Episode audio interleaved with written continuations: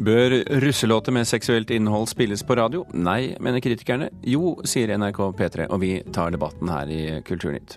Slottet skal ikke engasjere seg i kommersiell virksomhet. Likevel ga det stor markedsføringsverdi for kongens nei å bli vist i Slottsparken i går. Og en av filmhistoriens store klassikere er spilt inn på nytt. En fint laget klisjé, mener vår anmelder.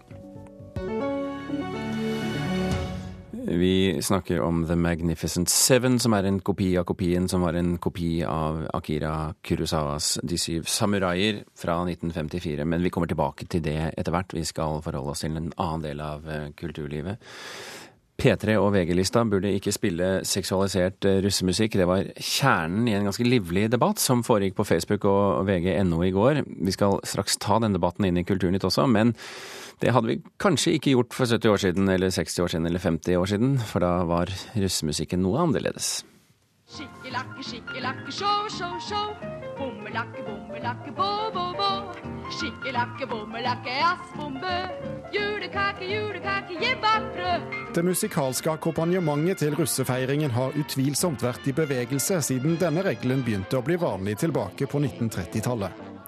Lydteppet som vil følge russen neste år, høres stort sett sånn ut. De siste årene har det blitt vanlig at russebusser og biler landet rundt bestiller sin egen sang. Det kan fort koste noen titusener for en låt, men markedet har vokst raskt.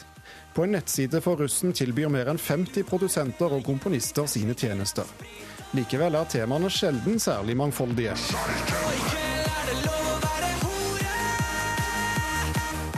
Tekster som dette provoserer mange.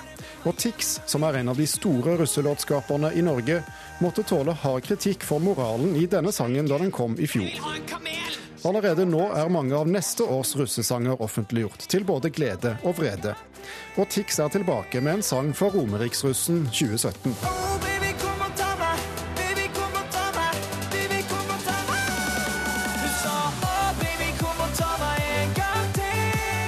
Dette har fått tastaturet til å gå varmt for mange av medlemmene av et musikkbransjeforum på Facebook. Men Tix er langt fra alene om å lage musikk med fengende rytmer med tema som ligger russen nær. Dette er musikk som trolig blir å høre i en høyttaler nær deg når russen kjører forbi til våren. Heller en god trekant enn en ond sirkel. Sant det? Stønn og glem det. Hun var litt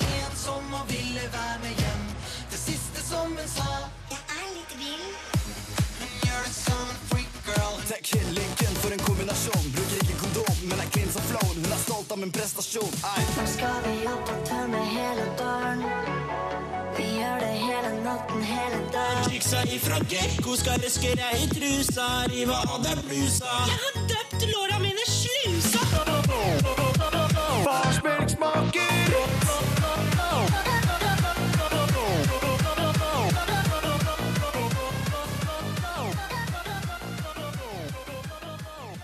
Et eh, lite knippe av russens kulturprodukter. Reporter her, det var Thomas Alvarstein Ove. Lars Hustoft, manager i Starbox Music, velkommen til Kulturnytt. Takk, takk, takk. Er dette eksempler på musikk du syns VG-lista og NRK bør satse på? Nei, definitivt ikke. Altså, mitt poeng er det at eh, jeg forstår at denne typen låter alltid kommer til å finnes, og at vi ikke kan liksom blokkere det. Det ville være naivt å tro at vi skulle kunne gjøre det, og si at de aldri mer skulle finnes. Mitt poeng er bare det at vi som bransje, og den musikkbransjen som jeg er en del av, jeg syns det er helt latterlig at vi stiller oss bak dette i form av at vi signer det inn som Altså vi skriver platekontrakter med disse her eh, eller, artistene eller låtene. Vi putter promo- og markedsføringsressurser på det. Og, og pusher det ut i, i, samfunnet med de musklene vi har. Og det tenker jeg at er noe som er sykt lavmål, og som jeg syns er ansvarsløst og ganske sånn ryggradsløst, egentlig, at vi, at vi gjør. Ja, Hva syns du man bør gjøre, da? Jeg syns altså, rett og slett ikke gjøre det. Poenget er at eh, eh, jeg tror ikke man skal gjøre en sensur, for jeg tror ikke at sensur i 2016 funker. Mine barn hører like mye og ser et TV-program som går seint på kvelden. Det kan de se på dagtid på nettet likevel etterpå. Og Det samme er det på mange måter med musikk. da. Det kan virke mot, mot sin hensikt. Men jeg bare mener at det handler mer om det ansvaret som vi som jobber i bransjen har. Jeg syns det er latterlig at vi skal stå for denne typen holdninger. Eh, låter der jenter blir fremstilt som forbruksvare. Eh, Det hører liksom ikke hjemme i det hele tatt. Og jeg syns det blir kleint og ekkelt å være en del av en bransje hvor det dyttes ressurser inn i å fremheve sånne låter. Mats Borch Bugge, P3-sjef her i NRK, velkommen. Takk. Føler du deg truffet av denne kritikken? Eh, nei, overhodet ikke. Eh, P3 skal med eh, våre kanaler MP3 og P3 eh, speile og definere ung kultur i Norge. Og vi velger da fra dag til dag, nærmest uke til uke, hvilke låter vi ønsker å eksponere lytterne våre for. Og vi gjør veldig tydelige valg i retning av å ikke løfte opp og fram denne type låter. Men vi eh, kan ikke neglisjere eh, russekulturen, som er en så viktig bestanddel i unge folks liv, eh, og en del av vår kultur. Og så kan man diskutere om man liker det eller ikke. Men å eh, kutte ut musikk som har en høy BPM og tekster som grenser høy, til det normale Du er på P2 nå med å forklare høy BPM. ja, det betyr at uh, rytmene går fort. Ehm, det, det, mener jeg er eh, feil. Jeg mener at de eksemplene vi hørte her, er jo eh, fryktelig dårlige eh, tekster, som vi da har valgt å ikke løfte opp og fram. Men det finnes også låter som er helt innafor, og som eh, russen kan danse og hoie til uten at det støter dere, og krenker. Men Betyr det at dere sitter daglig og gjør vurderinger knyttet til eh, f.eks. Eh, seksuelt innhold? Ja, selvfølgelig. Altså Vi som eh, publisist har jo et redaksjonelt ansvar for det vi eh, leverer i kanalene våre. Og da er vi nødt til å eh, vurdere da eh, enkeltstående låter og tekstuniverset som finnes i dem. Så det gjør vi. Aslak Klever, sjef for Caroline International, som, som, da ligger under det store plateselskapet Universal. Velkommen til deg òg. Takk. Er det riktig av P3 og VG-lista å spille grove russelåter og, og den norske platebransjen å stille seg bak? Eh, jeg ser ikke noe feil med at eh, P3 spiller den musikken. Altså, det er jo populær musikk som der det er et, eh, et, trykk fra ungdommen. De hører musikken uansett. Det er ikke sikkert at alt ungdommen gjør er riktig bare fordi de er ungdommer? da? Nei, det er det absolutt ikke. Men jeg, stiller også spørsmålstegn med at, med at det blir sagt at bransjen stiller seg bak. Altså, det er viktig å tenke på at 90% av disse låtene her eh, kommer fra eh, produsenter som gir ut sine egne låter. Det er svært få eh, artister og produsenter i den sjangeren som er signert på plateselskap. Dette er musikk som i all hovedsak gis ut selv, og så finnes det få, eh, noen få unntak, selvfølgelig. Men skal man si da at det er de beste, eh, med eller uten hermetegn, du kan velge selv, som, som, kommer inn eh, og er en del av industrien? Ja, det, det spørs jo hvordan du definerer beste men altså, det blir jo de med, med størst kommersielt potensial. Eh, som, som, ja, noen av de, i hvert fall. Med andre ord, platebransjen eh, går inn i det med åpne øyne hvis de kan tjene penger på det? Det skjer av og til, ja. Det gjør det. Eh, syns du det er eh, så enkelt, Hustoft? Nei, altså jeg, der er jeg jo helt uenig med Aslak. Jeg skjønner at de kommersielle, at man skal tjene penger i musikkbransjen, det vet alle. Og, og, det er ikke sånn at uh, jeg tenker at man skal være sånn superkonservativ. Det vil alltid finnes låter som man på en måte kan diskutere om man står for verdiene i det uttrykket de har eller ikke. Og det er helt greit. Men, men uh, det jeg har problemer med, er disse låtene her som så helt klart går over en grense for meg. da. Uh, fordi at det setter jenter i en sånn posisjon som jeg syns er helt ute. Og jeg skjønner at man på P3 skal spille musikk som, som på en måte gjenspeiler ungdomsmiljøet. Eh, og jeg er glad for at P3 da ikke velger å dytte ut alt sammen. Men samtidig så Det, det jeg sliter mest med, er liksom da at plateselskapet av Universal sin størrelse, Sony som gjør det samme, at man kan stå bak dette og dytte ressurser inn i det, og liksom tenke at ja, men det er jo fordi at folk vil ha det. Altså, det skjønner jeg ikke. Klever, eh, føler du at dere bare er en, en, eksponent for en allerede eksisterende kultur? At det liksom på sett og vis ikke er deres skyld? Altså, nå er det jo sånn at det, det eh, det er jo ikke uproblematisk å gi ut denne musikken. Altså, vi har flere diskusjoner, vi også, med er dette OK å slippe, er dette ikke OK å slippe. Det er selvfølgelig hele tiden etiske diskusjoner rundt det. Eh, men sånn som jeg ser det, så må det være opp til den enkelte person og artist. For hvis de ønsker å stå for det, så får de stå for det. Eh, og det enkelte selskap også. Eh, det er veldig vanskelig å få inn noe musikkbransjens uh, Taliban moralske som skal Ja, altså det, det blir ganske søkt, da. Utgangspunktet for denne debatten var jo at uh, NRK P3 da gjennom programmet VG-lista Topp 20, der vi skal spille de 20 mest populære låtene fra uke til uke, spilte da en låt som heter Dory 2017, som er laget av Tix. Hvor teksten er eh, relativt banal. En låt vi har valgt å ikke spilleliste, nettopp pga. tekstinnholdet og låta for øvrig, for så vidt. Eh, men at vi eh, som eh, ung kanal ikke gjennom et program der premisset er hitlista, skal kunne spille dette her. Med da en intro eller utro fra programleder som kan eh, være med å problematisere teksten. Det syns jeg ville vært eh, Ja, ble, galt. ble det gjort nå? Det ble gjort i programmet, ja. Mm. Men hvor går grensen for, for deg da, Bugge, for hva som kan være innafor? Nei, det er jo en skjønnsvurdering som vi foretar eh, hele tiden. Eh, så jeg er veldig skeptisk til å opp, eh, altså operere med en sånn form for eh, definert grense. Dette er greit, og dette er ikke greit. Man må eh, sette det i en kontekst, og enhver låt har på en måte sitt individuelle preg. Altså Carpe Diem har låter som hvis man vil, kan oppleves svært eh, pågående, og hvor enkelte grupper vil kunne oppleve at de støtes. Men eh, det er ikke snakk om å ikke spille det av den grunn. Hustoft, eh, ser du problemet med å sette opp en sånn moralgrense som man har Ja, i. USA, med sånn alt skal lages pipelyd på, og det skal stå eksplisitt Ja, ja på teksten? definitivt. Og jeg tror, som sagt, da, i 2016, den typen sensur er vanskelig å forholde seg til. Men samtidig så er det klart at vi har jo en diskusjon å ta i forhold til eh, at merking av musikk i dag som, eh, som helt klart, altså For i dag kan, er musikk så utrolig mye mer tilgjengelig. Du måtte før gå ut og kjøpe et album. altså Du måtte liksom aktivt gå inn og kjøpe det for å tilgjengeliggjøre det til at barna dine kunne spille det. I dag så ligger alt åpent.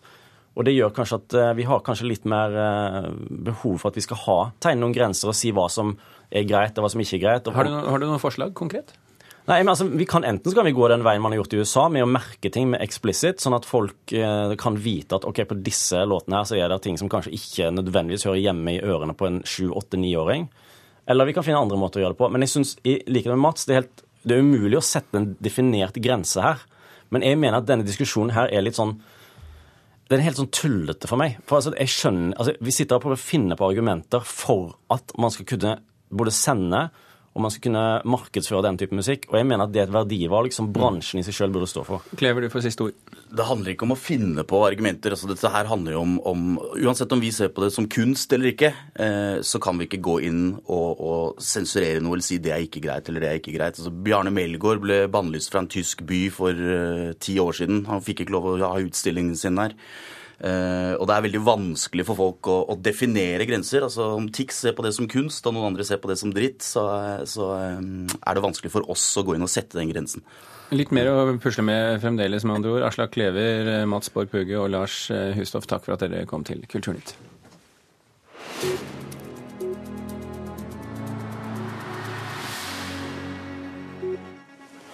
Vi gleder oss til, og det er fint å se at så mange av dere har kommet i kveld.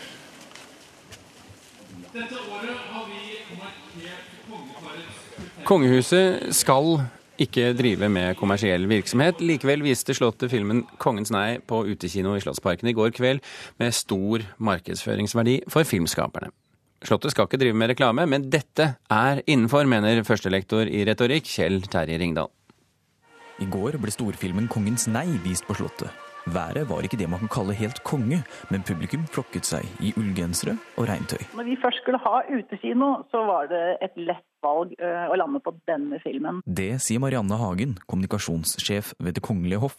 Det er sjeldent at en film får kongehusets velsignelse på denne måten, og det kom også overraskende på regissøren av 'Kongens nei', Erik Poppe. På et tidspunkt så ringte de meg og spurte om eh, jeg kunne tenke meg å stille filmen til rådighet for en eh, utekino. Men kongehuset har en policy på at det ikke skal være lov å bruke Slottet i kommersielle sammenhenger. Ja, Det er helt klart en reklameverdi for filmen. Det sier Petter Jung Torendal i PR-operatørene.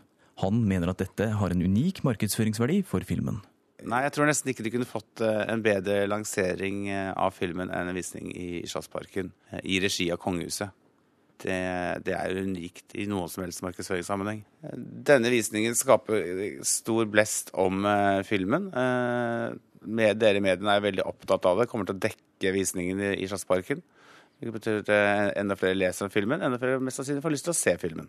Poppe mener at dette ikke har noe med markedsføringen av Kongens nei å gjøre. Dette her er det vel egentlig ingen som tjener noe på, nødvendigvis. Kjell Terje Ringdal er førstelektor i retorikk ved Høgskolen Kristiania. Han mener at dette kan ses på som reklame for filmen, men Hvis man da skulle vært moralsk forarget over at man knytter seg opp til kulturelle fenomener, filmer, bøker osv., så, videre, så hadde vi risikert at vi hadde skjøvet kongehuset inn i en slags eh, lullende skygge, hvor de altså hadde sittet frakoblet fra det som skjer der ute. Ringdal har analysert kongehusets kommunikasjon med omverdenen i en årrekke.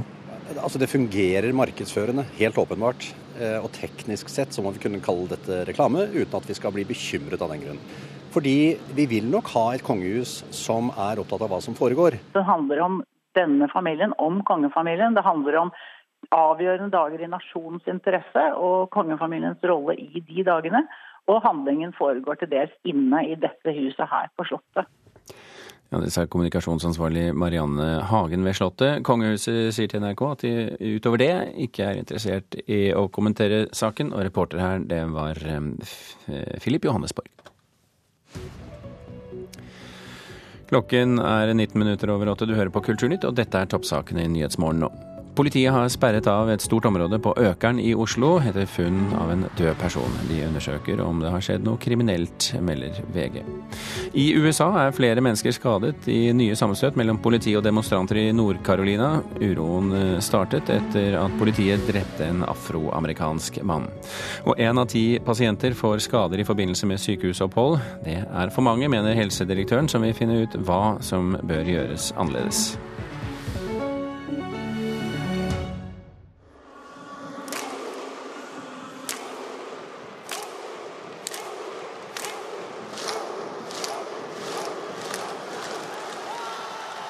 Vi tar en svipptur innom eh, sporten her i Kulturnytt. Sport og spillverden.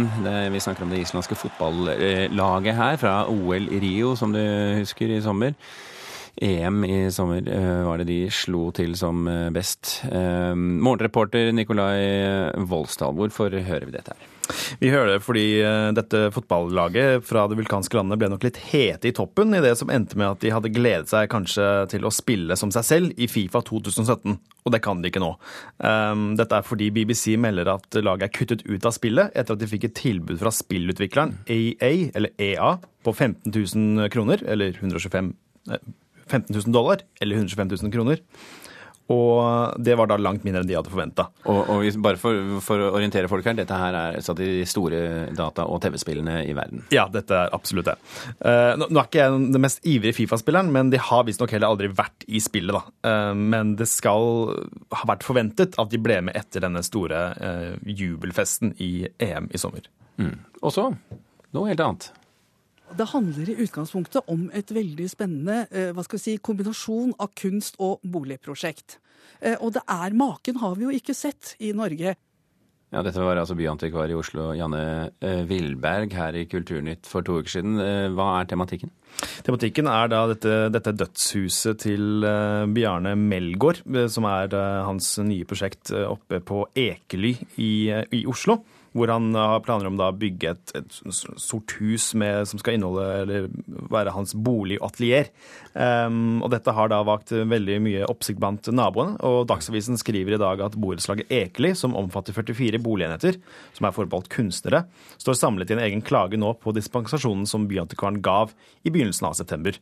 Um, og fordi de mener at det er uforståelig at Melgaard får tillatelse til å i det bygge dette uh, i et vernet område.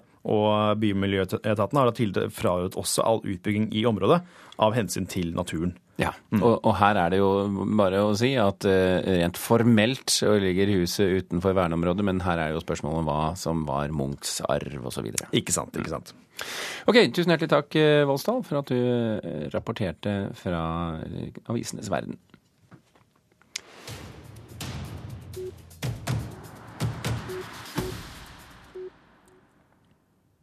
En av eh, filmhistoriens eh, Store klassikere er eh, spilt inn eh, på nytt. Vi snakker om The Magnificent Seven, som er en kopi av kopien, som var en kopi av Akira Kurosawas De syv samuraier. 2016-versjonen har blitt en eh, fint laget klisjé, mener vår anmelder.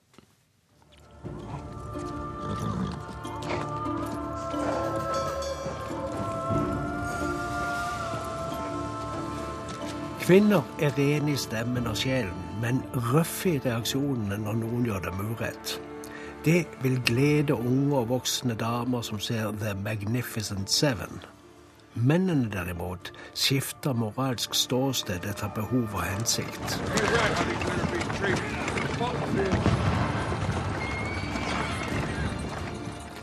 The Magnificent Seven er en fint laget klisjé filmen skal være klisjé. Det skal merkes at den er det. Den er en nyproduksjon av De syv uovervinnelige fra 1960 og 1996, og sterkt inspirert av japaneren Akira Kurosawas De syv samuraier fra 1954.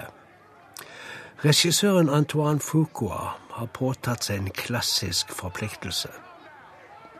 Han strekker strikken litt langt og utvider spilletiden for den endelige kampscenen, men det dreier seg vel om en forpliktelse til de som skal tjene penger på filmen.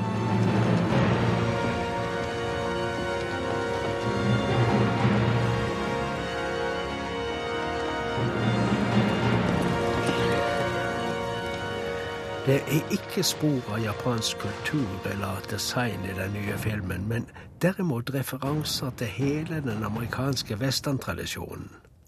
Alt er kopiert. Landsbyen, ranchen, arkitekturen, vognene, landskapet som knapt er ekte. Undertakeren på byens beste adresse, vegg i vegg med hotellet. Våpensjongleringen, mimen, blikkretningene, det tørre været. Den triste humoren er med. Bylivet er koreografert. Det bidrar også til å gjøre det som det skal være i sjangeren. De sju geværmennene samles for å hjelpe en landsbybefolkning tilbake til sine hjem og eiendommer. En rikmann som er enda slemmere enn de sju geværmennene, har fordrevet alle fra jord og eksistens. Enten måtte de selge jorden til prisen av aske, eller så ble de puttet i ferdig snekrede kister og gravd ned. Kister er lagervare i byen. Sånn kan de ikke ha det.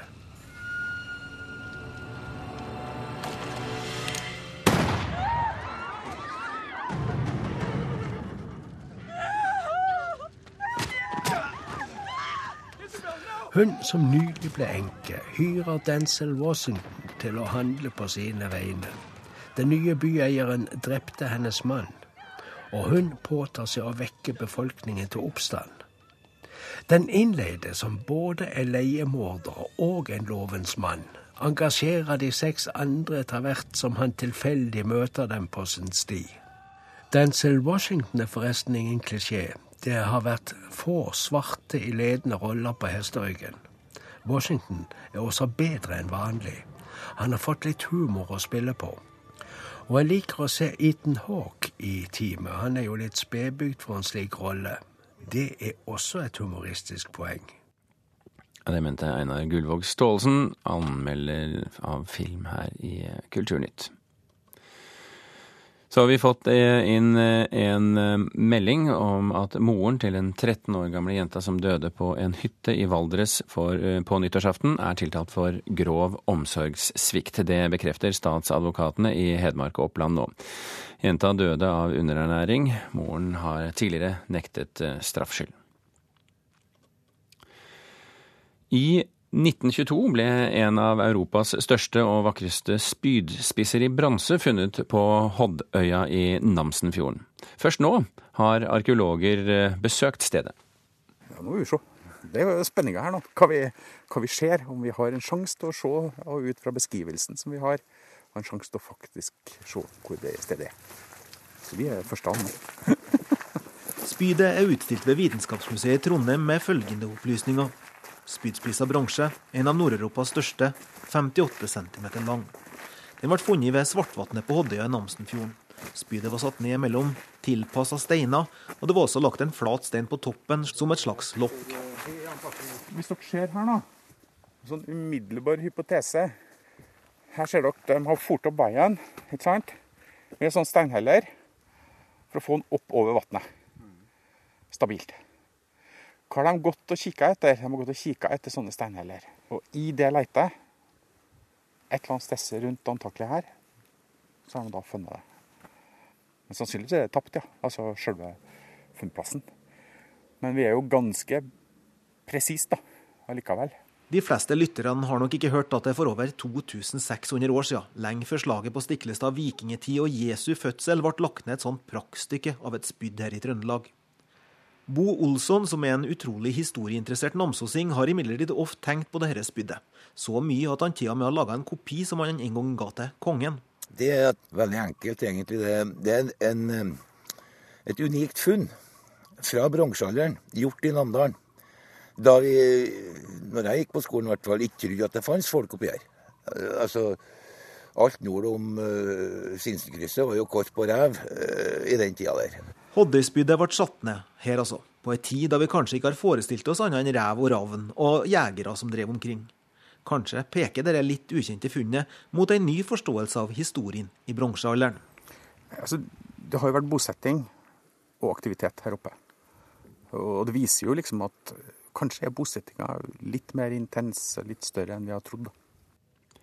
Og det sa til slutt her Lars Forseth, som er fylkesarkeolog i Nord-Trøndelag. Reporter, eh, det var eh, Kjartan Trana.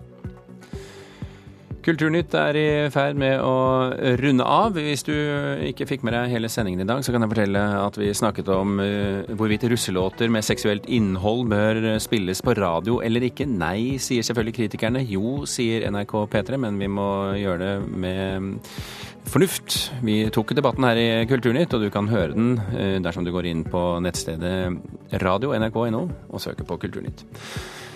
Vi runder av nå. Gjermund Jappé og Birger Kolsrud Aasund takker for følget.